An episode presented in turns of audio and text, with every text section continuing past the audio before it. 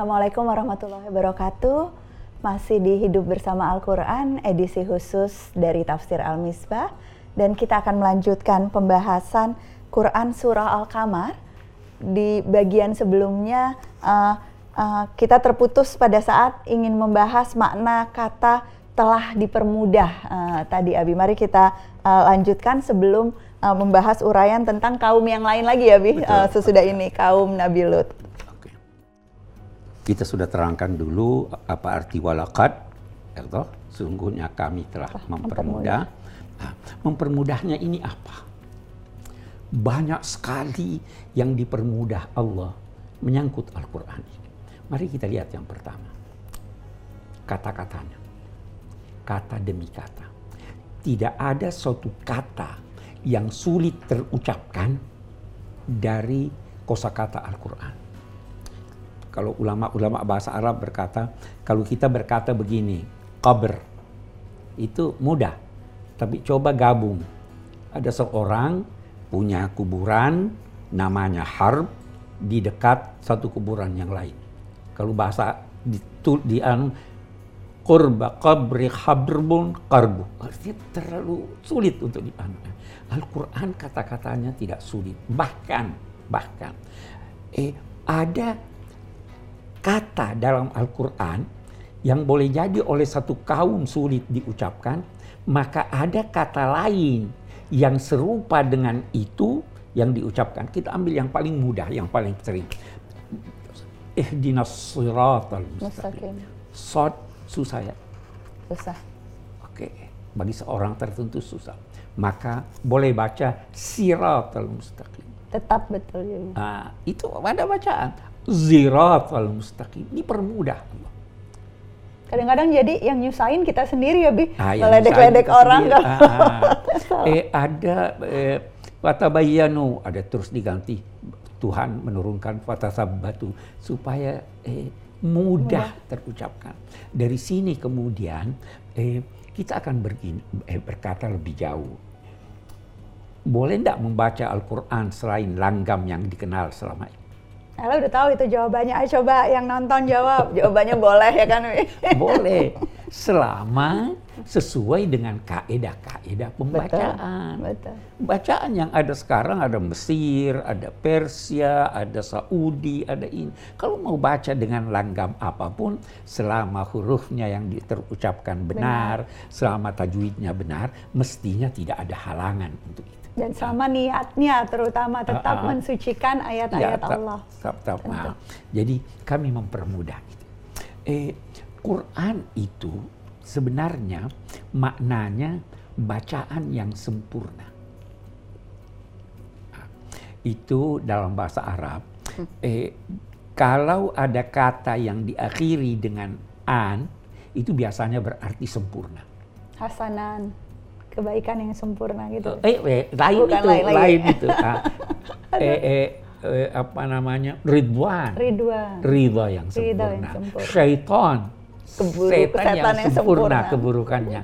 Eh, kehidupan di akhirat dinamai hayawan. Nah, Quran bacaan yang sempurna. Mau lihat antara lain sempurnanya. Ada tidak suatu bacaan yang dibaca secara umum dengan penuh hormat oleh orang yang tidak ngerti artinya?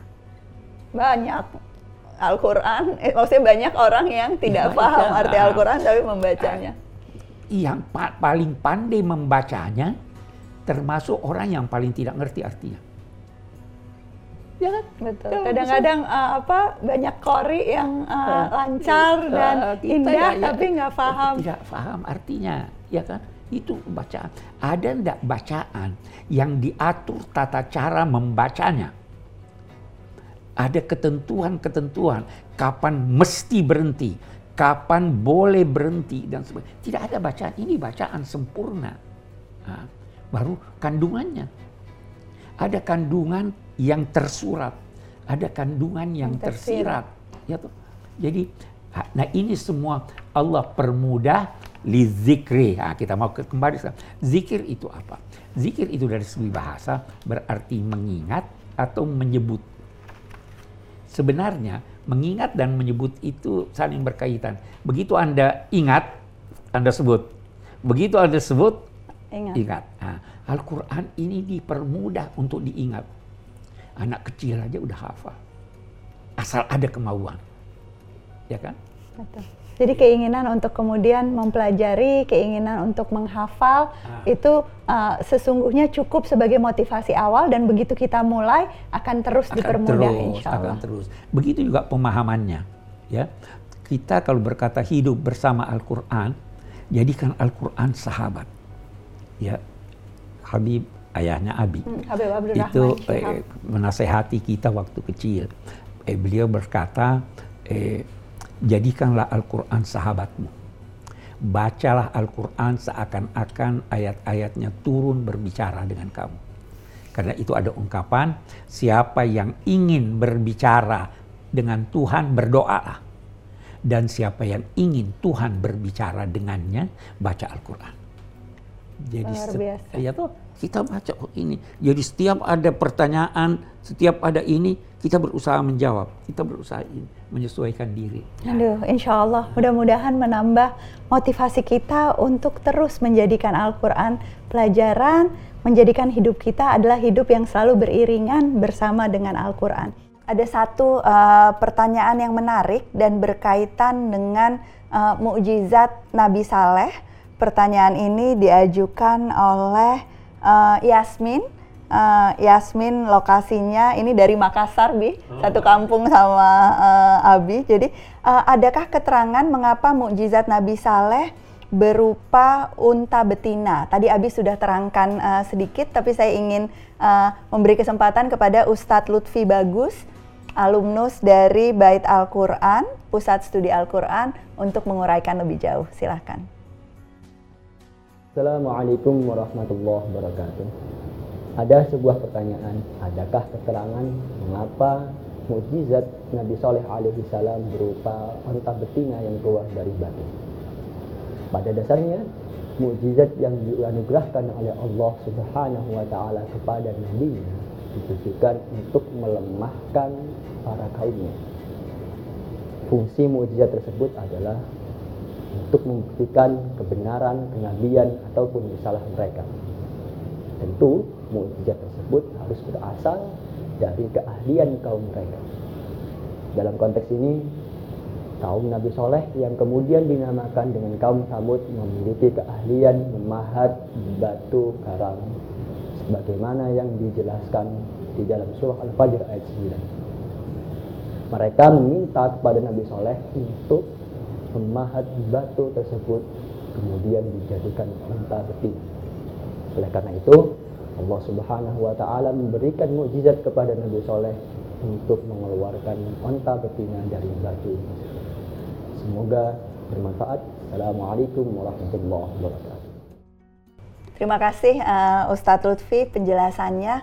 Uh, Abi, Ella ingin dapat cerita sedikit lagi sebagai uh, penutup. Tadi Abi cerita tentang nasihat dari uh, Habib Abdurrahman Oh. Syihab. Ada ada pesan terakhir nggak Abi tentang ayat uh, yang sesungguhnya sangat penting ini di uh, ayat ke-17, kemudian ayat uh, ke-21 dan uh, sekarang dibahas lagi di ayat ke-32 tentang kemudahan Al-Qur'an atau Al-Qur'annya sendiri. Eh, iya, eh, bagus.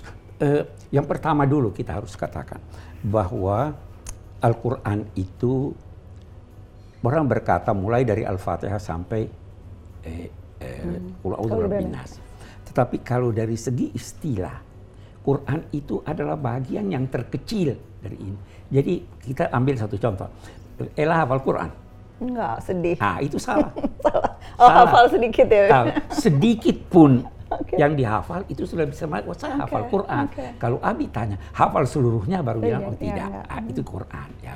Eh, walaupun sedikit yang Anda mau pelajari, walaupun sedikit ayat yang Anda baca, kemudahan selalu diberikan oleh Allah Subhanahu wa taala. Selama Anda jadikan Al-Qur'an itu sahabat Anda. Sahabat itu bersedia menceritakan rahasianya. Ya toh? Kalau bersahabat dengan Al-Quran, dia akan ceritakan rahasianya kepada Walaupun hanya di sebagian ayat. Walaupun hanya di sebagian ayat, dia sahabat saya. Saya ingin selalu berdialog dengan dia. dan itu yang kemudian memunculkan motivasi untuk memahami untuk lebih banyak ya Bi. Kalau sama sahabat kan kita kalau dengar ceritanya dan sebagainya akhirnya rindu rindu ingin bertemu. Rindu, rindu ingin bertemu. Tapi kalau tidak menjadikannya sahabat, dia tidak akan dia tidak akan memberikan Anda rahasia-rahasianya. Ya, toh, Insya Allah, mudah-mudahan uh, momentum di bulan Ramadan ini, ayo teman-teman belum separuh jalan, uh, mudah-mudahan masih uh, waktu yang tepat untuk memulai kebiasaan-kebiasaan baik mulai hari ini ya, jangan ditunda lagi. Uh, Allah sudah menjanjikan, bukan hanya menjanjikan, sudah memastikan bahwa akan dipermudah untuk kita semua untuk membacanya, menghafalnya, memahaminya, dan insya Allah mengamalkannya dalam kehidupan sehari-hari. Sampai jumpa besok, uh, tetap di Hidup Bersama Al-Quran, edisi khusus dari Tafsir Al-Misbah. Assalamualaikum warahmatullahi wabarakatuh.